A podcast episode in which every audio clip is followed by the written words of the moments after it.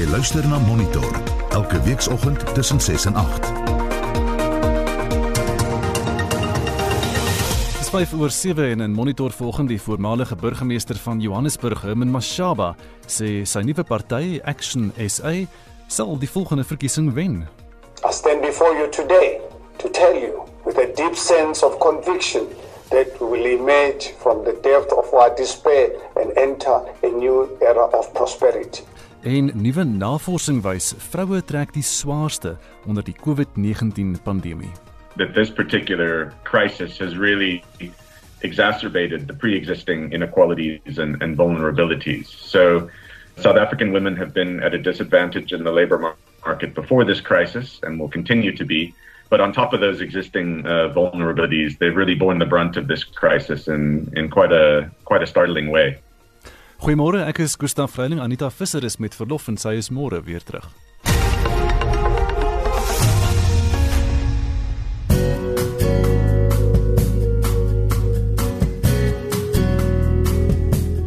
Die weer vir vandag, die 31ste Augustus, is uitgereik deur die Suid-Afrikaanse Weerdiens in Gauteng. Die noorde van Gauteng soort van is gedeeltelik bewolk. Dit word bewolk met enkele namiddag donderbuie. Uh, Pretoria word vanmiddag 20 grade en Johannesburg 19 en dan in die suide van Gauteng slegs gedeeltelik bewolk. Vereniging word 18 grade. Die laafveld van Mpumalanga is bewolk met enkele buie met tye 13 vandag in Bombela so effens warmer in Limpopo bewolk met enkele aandbuie in Polokwane 16 grade daar vanmiddag. Die Noordwes provinsie en die Vrystaat en die Noord-Kaap is mooi weer vandag. Mahikeng word 20, Vryburg vanmiddag 19 grade, Bloemfontein 17, maar dit was minus 7 gewees vanoggend in Bloemfontein en dan in eh, Kimberley 18 vanmiddag, dieselfde ook in Appington 18 grade teen vanmiddag se kant. Kaapstad in die Wes-Kaap bewolk met enkele buie en reën met tye. Die wind is matig tot taamlik sterk noordwes en dit word suid in die namiddag 12 grade maar vandag in Kaapstad en dan 16 in George. Die Ooskaap is mooi weer. Dit word gedeeltelik bewolk in die namiddag in Port Elizabeth. Die wind is matig tot taamlik sterk noordwes en dit word suidwes vanaf die namiddag. 18 vanmiddag in Port Elizabeth en 17 in Oos-London. KwaZulu-Natal is bewolk en in die noorde ook met enkele buie en donderbuie. Eh, Durban word vanmiddag 18, die wind gaan matig suid tot suidoos waai en dit word oos tot noordoos in die namiddag. Richards Bay word 20 grade vanmiddag en in Pietermaritzburg is daar miskolle vanoggend, andersins bewolk met enkele buie en donderbuie 16 grade vanmiddag.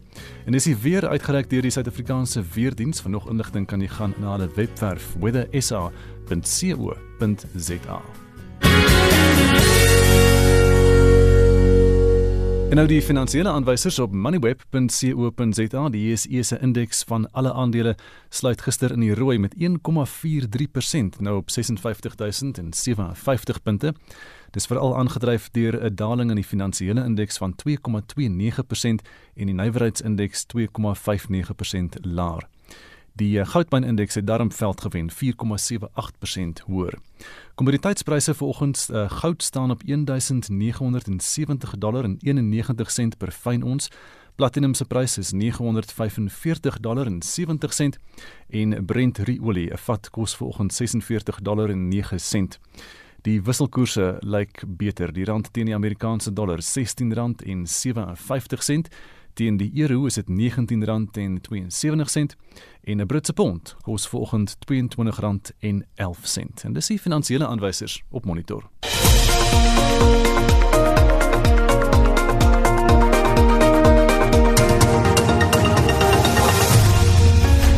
Nou 11 minute oor 7 en jy is ingeskakel hier by Monitor op RSG. 'n Deeglike verslag van die afgelope naweek se ANC NK vergadering word hierdie week verwag.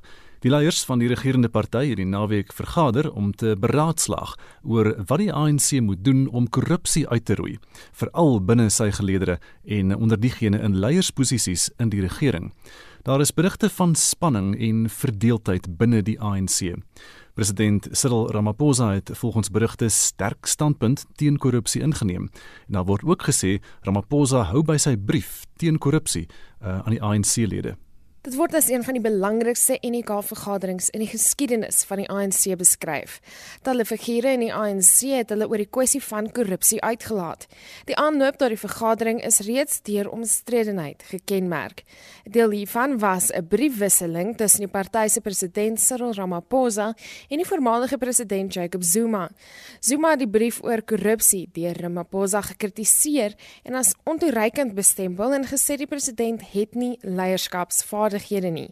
Die Enikale, Tony Ngeni, het ook 'n oop brief geskryf en 'n beroep op Ramaphosa gedoen om uit te tree weens die skenkings aan die CR17 veldtog. En Mzwandile Masina, die ANC voorsitter en burgemeester van Ekurhuleni, het ook sy frustrasie by die St George Hotel in Pretoria getoon waar die NK gewoonlik vergader. Hy het betoog en gesê die ANC moet korrupsie vinnig hanteer. I felt that it is important for me to be here uh, to picket uh, to add my voice to say enough is enough. No one is bigger than the ANC. We must save the ANC, not individuals. Because if we sought to save individuals, ANC will perish. And ANC holds the future of our children and generations to come. We shall not and we will not accept anything other than that. I stand here and I'm sure that there are many members of the African National Congress who says that not in our name. Ramaphosa het hom intussen aan die ANC se integriteitskommissie beskikbaar gestel om inligting oor die CR17 skenkings te gee. Die politieke ontleder, Lukona Mguni, sê die ANC en die KA het baie om te hanteer en dat dit moeilik sal wees om Suid-Afrikaners te oortuig dat die party ernstig is oor die stryd teen korrupsie. Mguni sê verskille binne die party moet op sy gesit word. So it's going to be an extremely interesting NEC and its outcome because we've seen many outcomes, not just of the NEC, even the highest decision making body, which is conference, uh, taking resolutions on corruption that have never been actioned. So this time around, we are promised something new, different, and the proof will be in the pudding and the action that should be taken after that. Am I hopeful? Not so quite. But we'll give them the benefit of the doubt and see how they come and emerge out of it. Die ANC sekretariaat het bevestig dat die sekretaris-generaal Ysmagashule en Ramaphosa albei voor die integriteitskommissie sal verskyn. Magashule sal verskyn na onderhoud wat hy verlede maand met die SAIK gevoer het, waar tydens hy gesê het hy weier om te bedank bloot omdat daar beweringe is dat hy by korrupsie betrek word. Maar dis in stryd met die besluit wat tydens die ANC se verkiesingskonferensie geneem is, naamlik dat ANC-lede en leiers wat by korrupsie betrek word, hul amp moet verlaat. Hierdie bydra van Abongile Dumako van ons politieke redaksie, ek's Marlene Forsie vir SAK nuus. En ons praat nou verder hieroor met Dr Piet Kroukamp van Noordwes Universiteit se Valdrio kampus. Piet, goeiemôre. Goeiemôre Gustaf. Ons weet nou dat uh, sowel Ramaphosa as Magashule gaan uh, voor die integriteitskommissie verskyn. Wat beteken dit vir hulle en hoe voel jy oor Ramaphosa se skuif nou so om klaarblyklik die wind uit die seile te neem van die ander faksie? Ek dink die grootste probleem wat nou ontstaan met die twee here wat nou voor die integriteitskommissie moet verskyn is dat mense wat dink dat die ANC twee faksies uit bestaan, naamlik Ysmagashule faksie en die Ramaphosa faksie, hulle sal dit nou nog verder glo want dit is eenvoudig nie waar nie. As jy nou kyk na die uh, afgelope week uh, se gesprek binne die ANC, selfs die mense wat reeds skuldig bevind is aan korrupsie, het aangedring daarop dat die ANC moet skoongemaak word van korrupsie en hulle het as ware die president geteken en gesê dis omdat hy nie sy werk doen nie omdat hy swak is in die ingenie gesê wat daar korrupsie binne die ANC bestaan. Maar eintlik is dit 'n indikasie daarvan dat die mense wat van korrupsie verdink word die mense wat skuldig aan korrupsie eh, is aan korrupsie. Dit is die een groepering wat bestaan en dan die ander groepering is mense wat sê net maar kom ons uh, uh, uh, uh, herwin die integriteit van die ANC Maar korrupsie kom binne die ANC, kom binne die Ramaphosa kamp voor, by die um, Magashule kamp voor, en die kampe wat dit kom reg by die ANC voor, die die bindingsmateriaal, die die connective tissue van die ANC is is as dit ware korrupsie. Dit sê ander probleme, uh, jammer ek is 'n bietjie lank praat, maar die ander hmm. probleem wat nou ontstaan is dit skep die indruk dat ons moet fikseer op die ANC as ons korrupsie wil oplos. Dis dit kan nie verder van die waarheid wees nie. Die werklike rede hoekom die ANC probleme met korrupsie is omdat die staatskas se kasregister oop staan.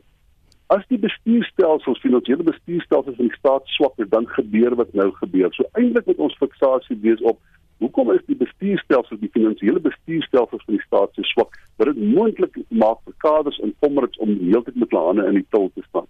So ongelukkig dink ek fikseer ons bietjie op die verkeerde plekke in ons in in in, in ons kritiek op wat gebeur het hier naweek. Daar is nou teenstrydige berigte oor wat alles by hierdie vergadering gesê is en sommige media uh, sê Ramaphosa is nou baie sterker as tevore en daar's ander wat sê maar sy kop is geëis, jy het nou Tony Tony Ngeni se naam genoem daar. Wat is die mees waarskynlike weergawe van wat gebeur het? Ja, ongelukkig moet jy oppas as jy as jy uh, ek wil surveys so so so so so media weet vir wat gebeur het. Daar sou altyd twee daar was min of meer ses mense wat opgestaan het en wat spesifiek pertinente argumente gemaak het wat mense kan assosieer met die verwydering of die moontlike afval van aksepteer na Maposa. Daar's oor die 80, ek dink ons amper 100 mense gewees. Ses mense en elkeen van daai ses Mongani Bongo en en en en, en Tony Ngeni, elkeen van hulle kan ons presies sê hoekom hulle opgestaan het. Hulle besig om te probeer om hulle eie uh, basse te red uh, en uh, jy moet ook weet die laaste ruk het Hermine Kroneer van uh, van die nasionale vervolgingsgesag het sy niemand geleide gemaak dat sy reeds 'n lys het. Ek dink sy het departement gesê ek het reeds 'n lys van mense hoë profiel politici uh, en ek is minder as 80% klaar met die ondersoek. En hierdie mense kan binnekort uh, verwag om die hof te verskyn. So ek dink jy moet dit sien die, die stemme wat teen hom op pause was mense in daai konteks die druk is besig om op te bou. Daar's 'n bewustheid dat die nasionale vervolgingsgesag waarskynlik binnekort sy werk kan begin doen sien dat hierdie persone in die spervuur is. Dis min of meer sê wat nou wat van die sien maar die ander 80 mense wat in die nasionale vervolg ag wat in in in in, in die vergadering van die uitvoerende komitee gesit het. Daar was duidelik was daar wat was daar 'n gesprek gewees dat wat wat ek dink wat uh, Ramaphosa kan interpreteer wat die gunste is van sy opinie hieroor. En hy het nie hy het nie so sterk standpunt ingeneem hy het net sy punt sy standpunt wat in die brief gehad het dit het weer 'n keer herhaal. Met ander woorde hy het nie gesê hier's mense wat hierse wat betrok toe gaan. Hy het net gesê ons as 'n party sou iets moet doen aan die korrupsie wat binne ons party bestaan. Dan al, in algemene terme gepraat. Die feit dat hy voor die integriteitskomitee verskyn het te doen met Tony Ngeni se ander, maar dit is al kom al 'n baie baie lank pad. En die vraag was altyd gewees in watter mate wie was sy befondsers gewees. Ek dink uiteindelik sal hy net met wie is die mense wat hom befonds het. Want die waarskynlik gepunt is ja, daar is 'n paar mense wat hom befonds het wat mense moet vra en vra en dit hoofsaaklik gaan dit die wit mense wees wat ondersteun waaroor afraaisel gevra word. En die ander ding is natuurlik jy sal agterkom dat hy waarskynlik 70% van sy kampanje van sy veld tog het hy self befonds. Hmm. Uh, uh anders as die insposizane Lamini Zuma plan. Die, die vraag is natuurlik en dis ook gevra oor op die nasionale op die uh, naweekse komitee vergadering. Is daar gevra nou maar as hulle maar pose dan homself moet verduidelik. Hoekom moet uh, insposizane Lamini Zuma aan die verduidelik? Wat van wat van van van uh, die BBC se wat haarself moet verduidelik? Daar's verskeie mense daar en, en natuurlik uitslag gesien self. En elkeen van hierdie top 6 leierskap op 'n of ander manier dit te kapitaal gebruik om steun te koop vir daai leierskapsposisie. Hy mag gesien dit nog verduidelik waar het hy die geld vandaan gekry uh, om uiteindelik tot sekretaris-generaal verkies te word. Dink jy die verdeling in die party is groter as as voorheen? Lyk nie asof Jacob Zuma daardie brief van laasweek verwag het nie en toe sy skielike reaksie daarop. Ja, maar Jacob Zuma verskyn kort kort by die hof en hy hmm. hy's hy's hy besig om 'n klein hofsaak te verloor. Hy het nou die saak verloor teen teen teen teen wat wat van sy eie kamerade beskuldig het dat dat hulle agente was. So hy is besig om elke saak waar waarna hy betrokke is te verloor. Natuurlik sal die die, die waarskynlikheid dat hy in skuldig bevind word sal dit begin toeneem. Die ander ding is in die verlede die wat daar redelik simpatie met hom gewees binne die in, in binne die ANC. Dit is besig om te verdwyn. Met ander woorde, indien hy nou uiteindelik skuldig bevind word, besef hy nou dat daar's nou 'n werklike kans dat hy uiteindelik sal tronk toe gaan. Ek dink 'n jaar gelede het hy nog gedink met die indien hy skuldig bevind word, sal hy begenadig word of daai se polities begenadig word of daar so uh, ja, jy kan 'n deal as dit ware maar daai opsie is besig om te verdwyn. Natuurlik sal sy stem al hoe sterker word, maar onthou net Jacob Zuma het nie die koherente uh uh rasionele argumenteringsvermoë om daai brief te geskryf het. Dit is geskryf deur een van sy handlangers. Dis 'n ander wie plapper in sy direkte omgewing wat daai brief geskryf het. Dit is nie hy self wat geskryf het nie. Ek dink hy sal waarskynlik sukkel om daai brief te lees. Daar is nou ander ander gerugte ook gewees na die naweekse vergadering van 'n kabinetskommeling moontlik. Die name is genoem van uh, Stellan Dabini Abrams, Fikilin Balula, volgende business day uh, Tito Mboweni self, maar hy sê hy gaan nêrens heen nie. Uh, is dit 'n moontlikheid 'n kabinetskommeling? Ek dink 'n kabinetskommeling assosieer mense met daar 'n groot skaalse verandering gaan wees aan die kabinet indien die president en uh, alle dit besluit om daar verandering aan sy kabinet alhoewel ek dink strategies wees vir eerder twee mense wees en ek dink dit sou in die konteks wees met miskien nou ek dink maar effe spesifiek ook kyk na ministers of na individue wat geïmpliseer word op 'n of ander manier in korrupsie. Nou vir Kilian Balula dink ek besef is daar dat hy die verkeerde pos is dat hy onbevoeg is en nie sy werk kan doen nie. Sy probleem is waant te skuif hom.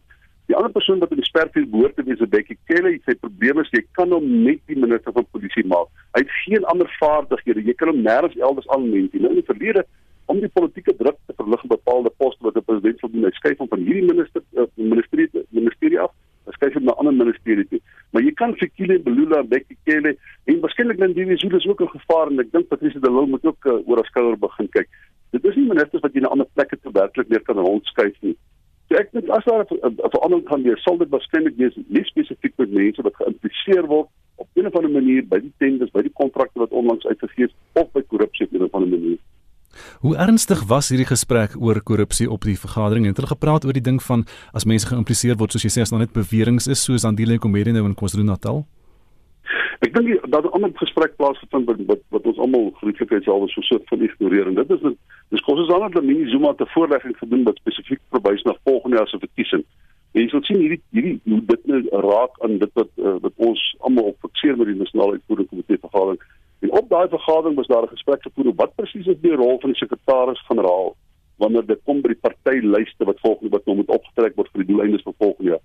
En die punt is spesifiek daar gemaak en ek dink dit is ons Susanna Dlamini Zuma het dit gemaak dat die sekretaris-generaal van die party kan nie die primêre rol en funksie vervul wanneer dit gaan oor die saamstel van hierdie lys nog nie die belangrike rol wat in die verlede vervul is nie. Wat vir my sê is selfs ons Susanna Dlamini Zuma besef die skade wat kan ander gaan doen Ysma Gesule uh dit uh, uh, dominant is in die saamstel van hierdie lyste. Nou daar's 'n ander narratief as ek 'n lelike woord kan gebruik wat vaardig is en dit is dat Ysma Gesule geweldig sterk is. Hy's 'n sterk sekretaris-generaal, hy het groot beheer oor die provinsies, hy het groot beheer oor die toeliehuis en hy kan opstand teen teen pos. Dit is absoluut bullshit. Dit snert, dit bestaan nie. Hy het nie die gesag en die mag wat mense aan hom toedig nie. Om die waarheid te sê, die druk was toenemend druk vanuit die provinsies uit met op enkele uitsondering na miskien van van van die Noordwes provinsie die pryse. Daar's toenemend druk vanuit die provinsies uit, nie van uh, uh, Ramaphosa se kant af nie, uit die provinsies uit dat daar iets gedoen moet word aan Ysmagashule. Hy is 'n nie 'n baie populêre leier binne die ANC nie. Hy het nie 'n geweldige sterk magsbasis nie. En indien hy die party lyste ook van hom wegvat, is hy eintlik maar in sekere opsigte 'n groot skaal op op, op, op die groot mate ontman. Uh, Piet net so laaste vraag, uh, die politieke ontleder JP Landman het verlede week in 'n onderhoud hier met Monitor gesê hy is tevrede met die stappe wat president Ramaphosa sedert verlede jaar geneem het om korrupsie wel hok te slaan. Hy het verskeie voorbeelde genoem van wat wel gedoen is. Hoeveel punte uit 10 gee jy vir Ramaphosa vir sy pogings om korrupsie te bestuur? Ehm um, Hoe ek het nog iets met ek het nog iets gaan met vra hoeveel ek vir JP Landman gee vir JP Landman wat ek 10 uit 10 gegee het maar ek ek dink hy's baie reg. Die uh, maar pos op onthou net hy kan niks doen aan korrupsie en behalwe om die die staatsinstellings te versterk om dit te doen. Die nasionale vervolgingsgesag weet hy versterk om dit te doen. Ek dink dat Pieter Mboweni sy minister van finansies het die krane toegedraai by staatsondernemings ek dink in 'n sekere sin die president het gedoen wat hy kan ek, as jy as jy as die president self toetree tot die stryd en self begin om vervolgings te determineer dan doen hy presies waarteen ons nog altyd presidente gewaarsku het in die verlede dat die president neem die funksies van die staat oor eerder as om die uh, instellings van die staat te werk laat doen. Ek dink nie hy doen sleg nie. Ek dink uh, dit kan seker wees dat hy op bepaalde vlakke meer spesifiek dalk uitspreek nie, maar dit het hy nou in sy onlangse brief het hy mos nou baie duidelik gedoen. Maar as die vervolgingsgesag en die volke en nie hulle werk doen nie, as die parlement nie hulle oorsig werk doen nie, as die uh, uh, die die die, die nasionale raad van provinsies nie hulle oorsig oorsig werk nie, want dit is waar die groot groot korrupsie plaasvind deesdae in die provinsies en in in in in in in in klein meters. Indien daai instellings nie werk doen, kan die president eintlik niks doen nie. Dis ook nie vir hom moontlik om almal te heraan te stel en mense af te dank nie. Ramaphosa het 'n swak, korrupte en gekaapte staat ontvang en dit kan tot 'n dekade vat om daai probleem reg te stel. Ek dink mense blameer vir Ramaphosa dat dit goed wat indien hy dit wel sou doen, sal hy ook daarvan beskuldig word dat hy autoritaire president is. Hm. Hy moet die staat, hy moet die politieke proses bestuur en die staat met die funksies normale funksies van die staat uitvoer en daarvoor het ons 'n goeie bevolkingsgesag nodig ons het 'n uh, goeie auditeur-generaal uh, uh, nodig ons het goeie uh, uh, chapter 9 institutions nodig mm. ons het 'n goeie scope nodig dit is nie die president se rol om daai om om te doen by daai organisasies en instansies moet doen nie. Piet baie dankie dit was die politieke ontleder Dr Piet Kroukamp van die Noordwes Universiteit se Val 3 kampus 26 minute oor 7 en uh, daar was vier plaasaanvalle binne 'n kwessie van 2 dae in die Hartbeespoort gebied. Die jongste was die roofdog op die plaas van Sonja van der Merwe en haar kinders in Broederstroom. Ook in hierdie geval is die verdagtes nog soek. Ons praat nou met 'n DA raadslid in die Madibeng munisipaliteit Erna Rousseau. Erna, goeiemôre. Goeiemôre. Kan jy meer besonderhede gee oor hierdie aanvalle? Weet jy ja, dit was maar 'n traumatiese rooftog op Sonja en ehm um, en dit was soos jy gesê die vierde plaasaanval. Ehm um, hulle is deur uh, vier mans in die slaapkamer aangehou met pangas terwyl die ander drie die huis omgekeer het vir waardevolle items. Ehm um, ek dink die groep aanvallers het met die gesin se motor toe gevlug. Ehm um, op die vlug geslaan. Hulle is weg met verskeie items soos juwele, selfone, rekenaars ingesluit. Maar hierdie rooftogte vind ma meestal maar plaas om ernstig te beseer. So hierdie ons vermoed hierdie is 'n syndikaat van sewe mans wat rondloop in die Pangas met Pangas in die omgewing hier van Hartbeespoort. Ehm um, en hulle is verantwoordelik vir al hierdie aanvalle. Ehm um, in lyn met die DA se hofmoniteringseenheid wat slagoffers van plaasaanvalle hulle naasbestaandes bystaan, het ons ehm um, ook die gesin dan bygestaan met 'n bekwame beraader en so het Afriforum ook na vore gekom om by te staan. In daardie omgewing het ons 'n goeie gemeenskapspolisie forum, so ook die res van Hartbeespoort. So sektor 2 is verantwoordelik vir Broederstroom, uh, waar die mense gewoonlik maar die inwoners op die plase en plotte ons toegerus is met die nodige radio's en hmm. alarmstelsels. So as daar so iets plaasvind en ons vermoed dit is wat hier gebeur het want die een seun het ehm um, weggekom, hy kon vlug en na die bure hardloop en om hulp gaan roep wat toe die uh, gemeenskap die GPF wat hulle ge, geroep het en onmiddellik was daar optrede van die gemeenskap. So ja, ehm um, onder hierdie GPF het ons binne in die dorp het ons nou maar buurtwagte en al hierdie pa patrollering word maar gedoen deur die gemeenskap gemeenskap self. Ehm um, ek het gisterand het ek wel uh uh met die GPF het ek met Romano van der Spy gepraat en die polisie uh, volg nog steeds die leidrade op en dit lyk na goeie leidrade en arrestasies kan binnekort volg. So die polisie so, is besig uh, met die ondersoek en want daar is nou hierdie stadium nog geen verdagtes vasgetrek nie, né? Geen verdagtes is nog vasgetrek nie. So ons verstaan dat die DA 'n debat hier oor op die 1 September in die uh, wetgewer van die Noordwes provinsiale regering gevra het. Hoekom gevra vir die debat? Van die DA gaan aanhou veg vir die herinstelling van landelike veiligheidseenhede binne die Suid-Afrikaanse polisie om hierdie plaasaanvalle dan te bekamp. Ons het nou hierdie naweek baie aksie gesien die motorfietsryers en so en wat optogte gehou het uh, teen rasisme en plaasaanvalle en plaasmoorde.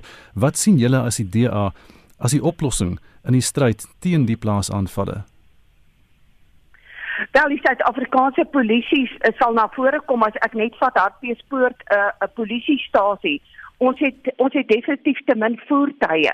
Wanneer so 'n plaasaanval gebeur, kan jy definitief nie met twee voertuie in 'n radius van omtrent 70 km met twee voertuie kan jy ehm um, die nodige hulp verleen aan gemeenskappe waar daar plaasaanvalle is nie dieselfde met 'n uh, 'n uh, mannekrag. Daar is net nie genoeg polisielede ontplooi in hierdie polisiestasie in hierdie omgewing wat da, waarvan 'n uh, Marpiespoort 'n groot groot deel uitmaak van klein hoeves en plase nie. So ja, die minister van polisie sal na vore moet kom en hy sal ehm um, hy sal moet regtig, hy sal moet uh, met 'n plan kom sodat ons landelike veiligheid, sodat ons dit kan verseker want ek meen dit die boer sit kos op die tafel. So ehm um, hy sê definitief ons moet kyk na ons ons boere en die mense op ons klein hoewes. Erna baie dankie dit was die DA raadslid in die Madibeng munisipaliteit Erna Resou. Jy luister na Monitor elke weekoggend tussen 6 en 8 was sopas 08:30 en in die nuus twee polisiebeamptes van die Eldorado Park polisiestasie suid van Johannesburg sal vandag in die hof verskyn in verband met die dood van die 16-jarige Down-sindroom seun Nathaniel Julies. Die Zimbabwese oppositie beskuldig die regering van staatskaping. En uh, ons praat met die seun van die Comrades wenner Nick Bester wat gister tydens 'n oefensessie in die Magaliesberg aangerand is. Bly ingeskakel. Daar is geen verkeer. En ons begin in KwaZulu-Natal, ek of dit 'n taamlike groot probleem is volgens in Durban en ek lei af is maar van daardie protesaksie op die N2 vanoggend want hulle sê dis druk verkeer uh, in Nanda weg suidwaarts tussen John Dory en die N2, dan die N2 self is baie druk tussen Queen Nandi en die EB Kloete wissel daar, so daardie hele omgewing in Durban vanoggend uh, is baie stadig, so min of meer 'n halfuur vertraging in die verkeer en is as gevolg van sover ons verstaan daar was 'n bus op die pad en dan protesaksie gewees ook. In Kaapstad 'n kettingbotsing uit die N2 inwaarts by Reunion Rylaan, een baan daar is versper en die verkeer staan taamlik ver terug daar by die N2 inwaarts in Kaapstad. En dan kyk ons na 'n Cosmo City, daar's 'n druk verkeer op Malibongwe Rylaan tussen die N14 en Boundary Weg. Dit is in Johannesburg. En ja, ek sien in Durban sê daar's 'n munisipale busblokkade op die N2 suid by die Spaghetti kruising en dis wat daardie gemors in Durban veroorsaak vanoggend. As jy weet van enigiets anders, dan kan jy vir ons 'n SMS aanstuur na 45889 en dit kos R1.50. Gepraat van die SMS'e, Estie, hoe lyk dit terugvoer? Gustaf Fakie verset sê gee asseblief die poste vir die beste kandidaat het sy dit 'n man of 'n vrou is, iemand wat wil werk en nie meegesleer word deur vakbonde nie. Daleen Haasbroek sê as vroue dit ten volle kan doen en hulle wil dit doen, hoekom nie? Richard Perry laat weet vir ons, Syferfontein Mine in Sekunda het al vroue in 1990 aangestel as operateurs op alle mynbou toerusting. Gagitcha Pieters skryf Hoekom moet daar altyd onderskeid getref word? Vrouens kan ook in die mynbedryf werk. Vrouens is net so hardwerkend soos mans. Deesdae is ons ook opgelei om alle masjinerie binne die mynbedryf te hanteer. Bo en behalwe dit weet ons ook presies wat van ons verlang word binne die arbeidsmark. Daleen Wright laat weet vir ons waarom nie. Vroue hoef glad nie terug te staan vir mans in die arbeidsmark as hulle die werk kan doen nie. Met moderne mekanisasie word fisiese werk makliker vir mans sowel as vir vrouens. En Annie sê, ek het 'n boer geken in die Dendron gebied. Hy het net met vrouens op sy plaas gewerk en dit sluit trekker en stroper operateurs in. Hulle is meer betroubaar. Die Kumba Eysterertsmyn in die Noord-Kaap Kaap het 'n boorspan op die been gebring wat uitsluitlik uit vroue bestaan en dit het moontlik geword omdat die myn onlangs meer gemekaniseer geword het. En dit laat die vraag ontstaan of dit aanvaarbaar in die breë samelewing sou wees om vrouens in betrekkings in 'n tradisionele mansbedryf aan te stel. Wat is jou mening hieroor? Stuur vir ons 'n SMS na 45889. Onthou dit kos R1.50. Gesels saam op ons Facebookblad by facebook.com vorentoe skynstreep ZARSG of WhatsApp vir ons stemnota na 076 536 6961. Ek's net so voor 8 weer terug met jou terugvoer. Dit is nou so 24 minute voor 8 en die Comrades marathon wenner van 1991 eh, Nick Bester is gisteroggend glo deur drie verdagtes aangerand terwyl hy in die Magaliesberg omgewing in Noordwes besig was om te oefen en ons praat nou met sy seun Sean Nick Bester. Sean Nick, goeiemôre. Goeiemôre. Wat het presies daar gebeur? Ehm um, wel ek was nie self op die toneel nie, maar sover ek uh kan uitmaak, ehm uh, my Nick het gaan stap die oggend, hy het voorberei vir 'n uh, uh, ehm um, charity event wat in die middel September ehm um, opkom. So hy het gaan stap en gedraf stap op die berg op die Magaliesberg tussen uh Amanda sig wat Pretoria Noord is hmm. en die uh Pretoria Middestad. En ehm um, hy het sy geweer by by hom gehad sy revolver en hy sê hy het niks gehoor van agteraf nie. Iemand het hom net van agteraf met 'n klip geslaan hmm. en toe was daar drie drie verdagtes wat ehm um, bo op hom staan en hulle slat hom met klippe, toe vat hulle sy geweer en ehm um, slaan hom op die op die oog uh dit het sy oogbank gebreek en sy wangbeen en, en hulle het hom geskop en sy drie ribbes gebreek. Ehm um, hulle het hom ook geforseer om sy sy bank se se pinnommer vir hulle Mhm. te gee want hy het sy sy bankkaarte by hom gehad, hulle het sy foon gevat en sy revolver. Dit klink taamlik gewelddadig. Hoe gaan dit nou met jou pa? En laaste toe ek by die hospitaal was, ehm um, was hy opgeneem in ICU. Hm. Uh, hulle was nog besig om scans te doen. Uh ek het ver oggend nog nie met hom gepraat nie, want hy het nie 'n foon by hom nie. Ehm um, so sover ek bewus is, is hy nog steeds ehm um, in ICU en ehm um, soos ek sê die die wat die scan sover ontbloot het is dat sy oogbank gebreek is, sy wangbeen gebreek is en die drie ribbes. Hy het hy het klomp velle wat af is agter sy Achilles, uh hoe hulle hom vasgebind het. Hulle het sy hande agter sy rug vasgemaak en hulle het sy broek uitgetrek. Nou hierdie omgewing waar hy geoefen het, dit klink of dit taamlik naby aan die stad is, soos jy nou verduidelik. Hierdie publiek toegang tot daardie omgewing en is dit blootgestel aan aan aanvallers gewoonlik. Uh die publiek het het toegang tot die tot die berg. Ehm um, soos ek sê, dit is bo op die Magaliesberg wat dit gebeur het. Hmm. Ehm um, ja, so enigiemand kan kom en gaan daar. So jy weet nie of dit be, mis misdaad 'n bekende ding is in daardie omgewing nie. Ek het gister met die polisiebeamptes gepraat, ehm um, en hulle sê daar is al 'n paar aanvalle wat daar gebeur het, maar nie nie uitermate baie nie. En hulle sou waarskynlik mense aanraam nie alleen te gaan nie, né? Ja, definitief nie. Ja. Wat gaan julle nou verder doen? So ons uh, het 'n saak oopgemaak by die polisie. Ehm um, en ons gaan maar soveel as moontlik inligting probeer kry ehm um, van my pa af en hopelik kan ons hierdie ouens vastrek. Hmm. Sean Nick uh, baie, sterkte en en baie dankie dat jy met ons gepraat het vanoggend.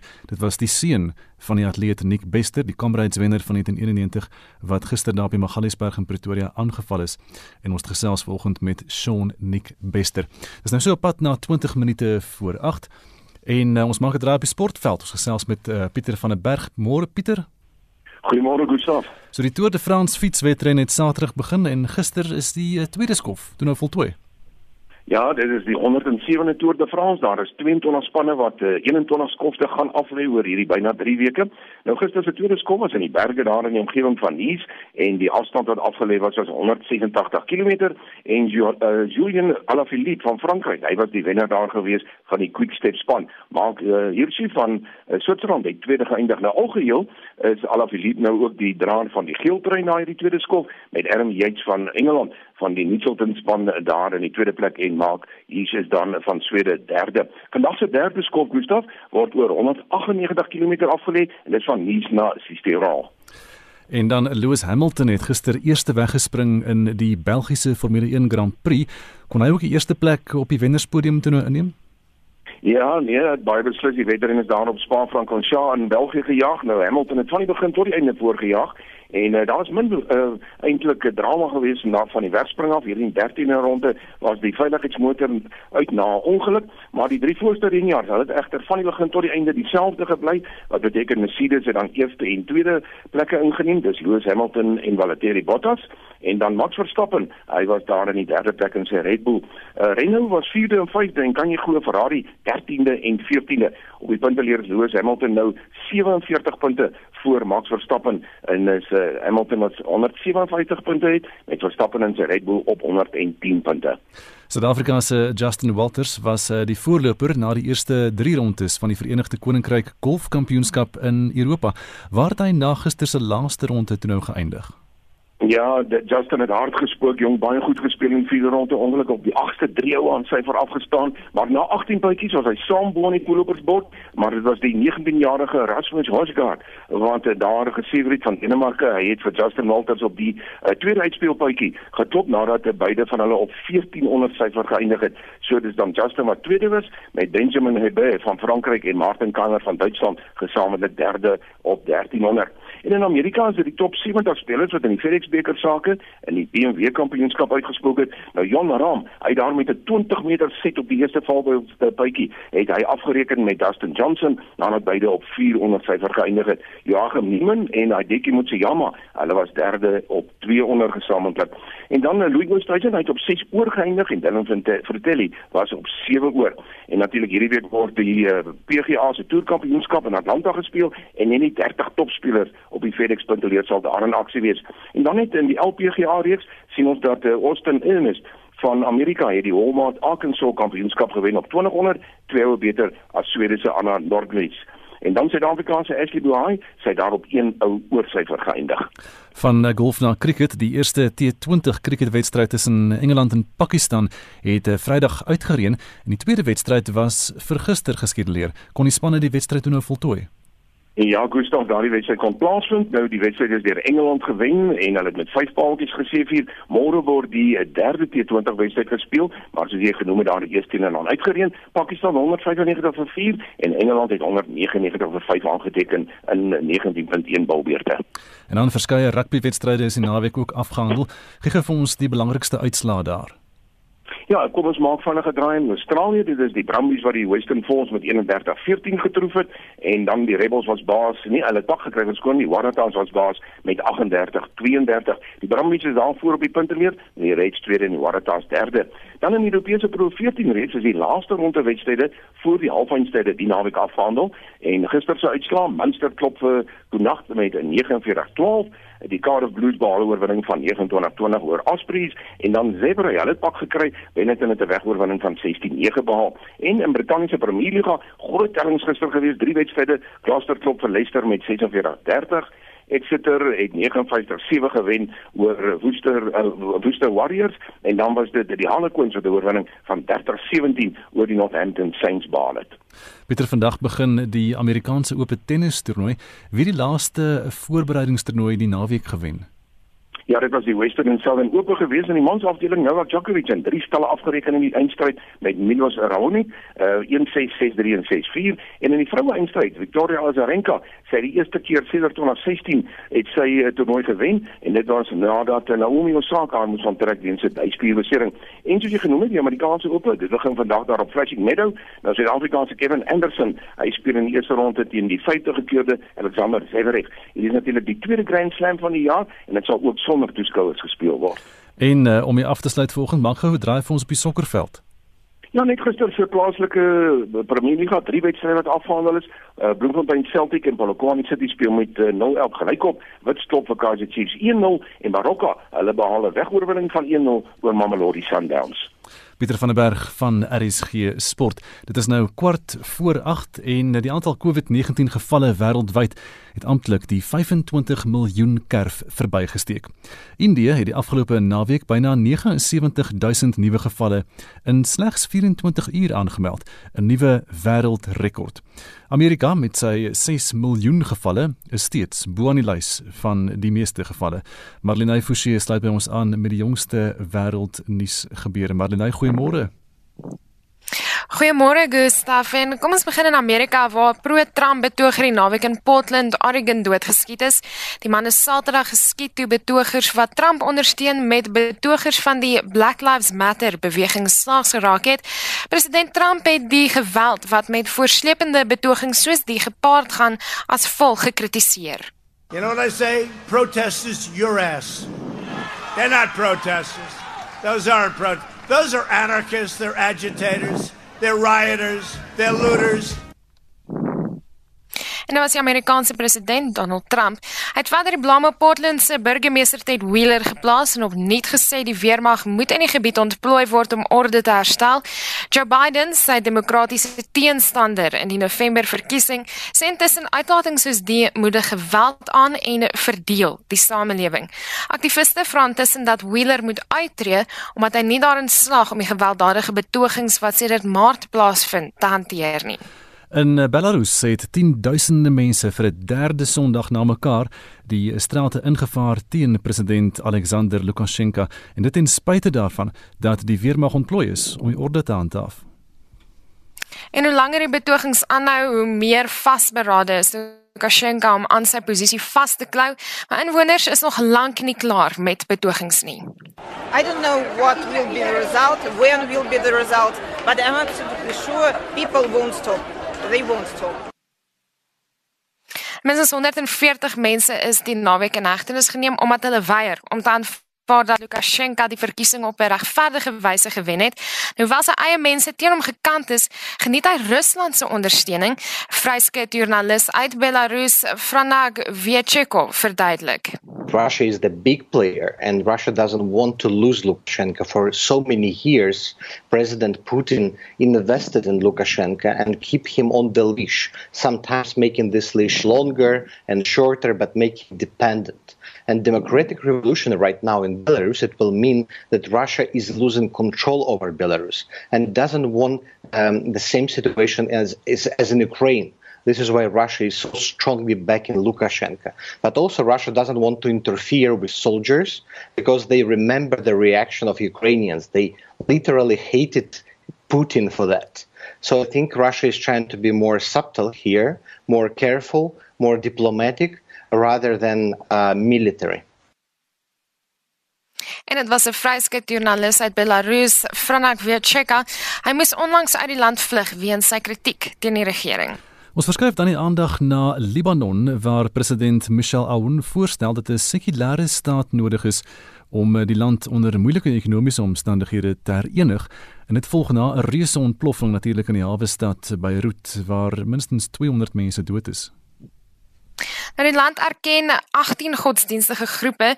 'n Leidensooreenkoms wat in 1943 onderteken is, moet die president, eerste minister en die spreker van die parlement onderskeidelik die drie grootste godsdienste in die land verteenwoordig.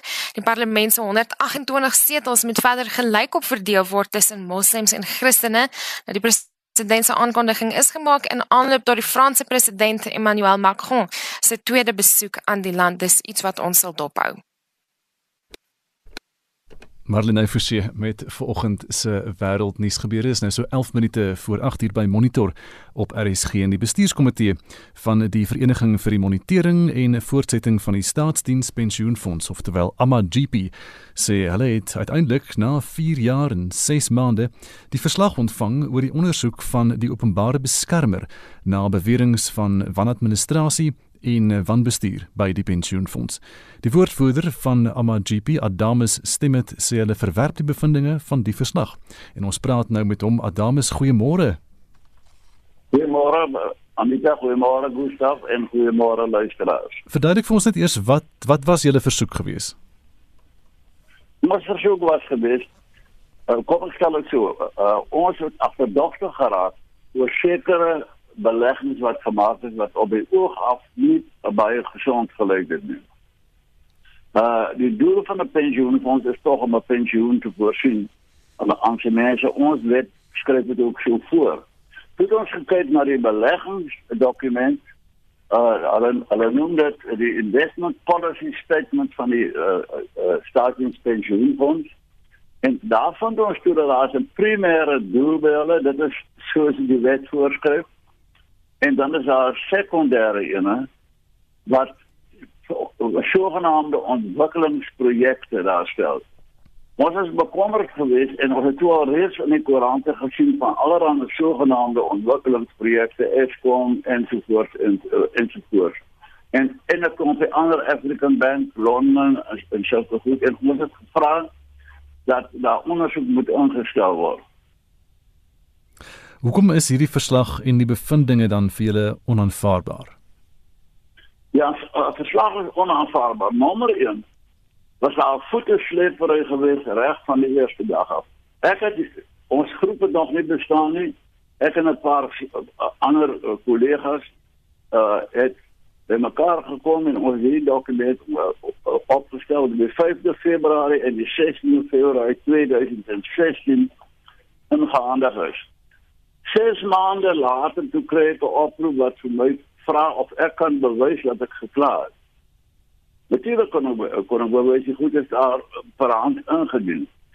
De, nou toe uh, daarna moes ons hulle aanpoor en aanpoor om hulle 'n bietjie beweging te kry. Dit het gelyk asof hulle nie eintlik lus is om om na hierdie saak uh, te kyk nie. Intussen het twee jaar later is die empatie twee en 'n half jaar later is die empatie kommissie aangestel. Toe in Februarie ja. Toe kom hulle met die sogenaamde diskresionêre verslag waar ons nou kan kommentaar lewer. Ons lewer te kommentaar daarop en ons stem glad nie saam met hulle voorlopige bevindings en ons bewys dit. Ons sê vir hulle feite en ons sê julle is verkeerd, julle is heeltemal verkeerd. En toe uh, Wij vestigen ons ook de aandacht op de empathiecommissie. Maar zeg maar, jullie die mensen verslag uh, moet jullie naar kijken. Alle opdrachten zijn jaar terug uitgebreid om ook die uitvoering van mandaten van pensioenfondsen door de openbare beleggingscoöperatie te, te, te onderzoeken. Wacht daarvoor en kijk uh, of daar iets in is wat er gebeurt. Nou, intussen het die empathiese kommissie se verslag uitgekom en nou stem hulle nie saam met die empathiese kommissie se verslag nie. Natuurlik sal hulle niemand hulle het al werk gedoen. Hulle sê die empathiese kommissie se verslag is nie van toepassing op die die, die staatspensioenfonds nie. Want die staat alle die, die empathiese kommissie het die openbare beleggingskoöperasie hmm. ondersoek. Dit is so Maar die openbare beleggingskoöperasie is die agent van die staatspensioenfonds. Dis die meeste van die en geld. Die, so die die uh, uh, prinsipaal bly verantwoordelik of hulle nou die trustees het nou uh, ontken of nie. Hulle is aanspreeklik vir wat daar gebeur het. Maar hierdie verslag daar sommer so losweg oor alles. Adamus is wat is die gevolgtrekke dan van van die openbare beskermer? Is daar is daar enige iets daarin wat wat julle saak kan help?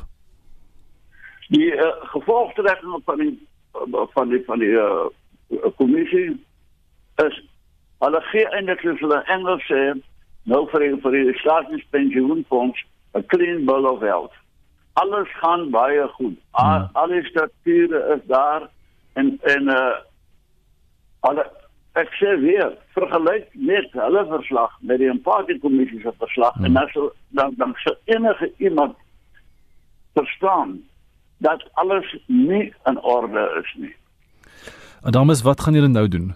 Wat is volgende? Ons raad raadpleeg nou ons regsadviseurs en ander organisasies met wie ons bande het wat ook bekommerd is en al gereeld hulle kommer uitgespreek het En dan is ons besig om ons mense in te lig. Hulle het geduldig vir 4 en 'n half jaar gewag om nou hierdie niks te kry nie. Hulle is baie geduldig geweest. Ons gaan hulle nou voorlig en met hulle oorleg pleeg.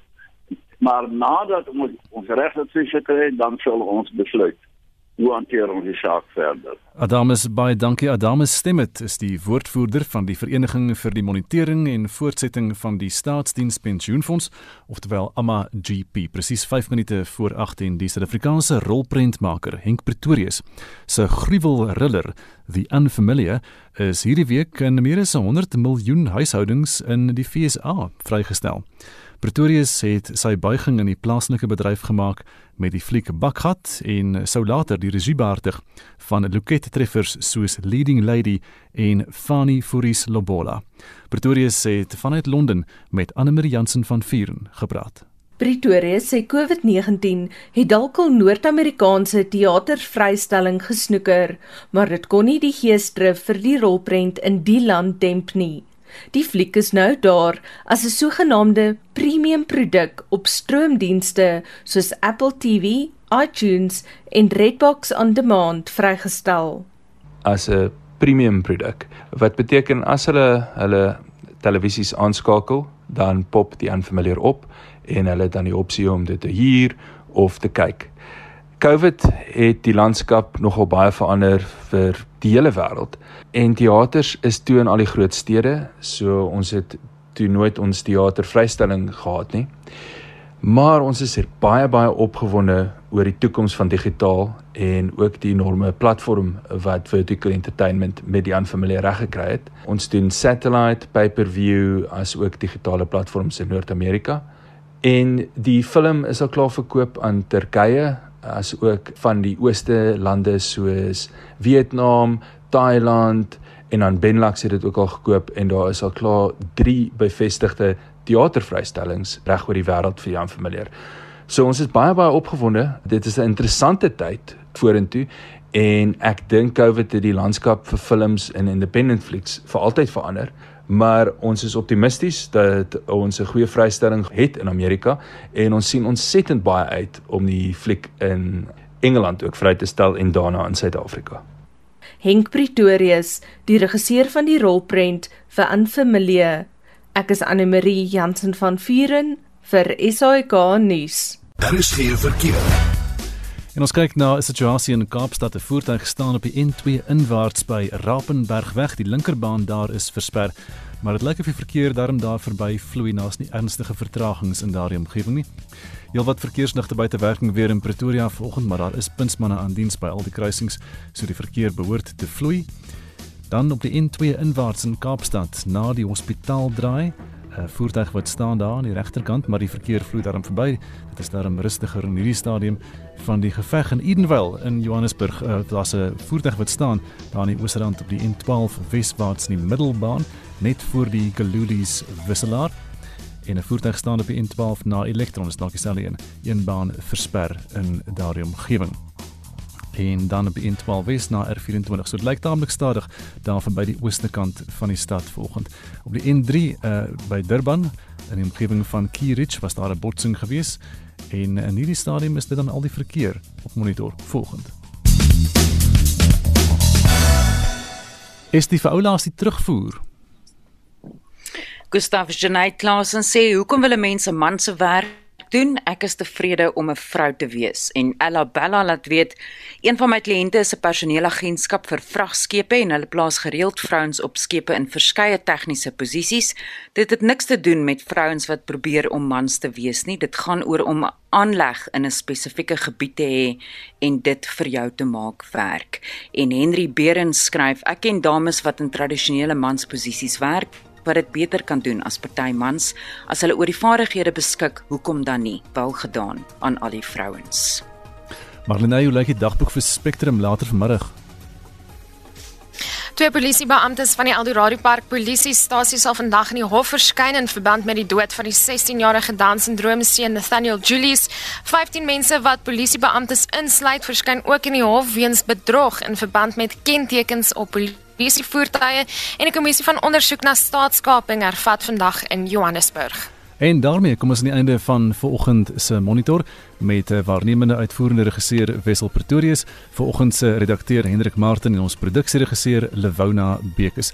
Bly geskakel by RSG vir praat saam volgende met Lenet Francis Puren. Ek is Gustaf Vreiling en ons groet tot môreoggend om 6.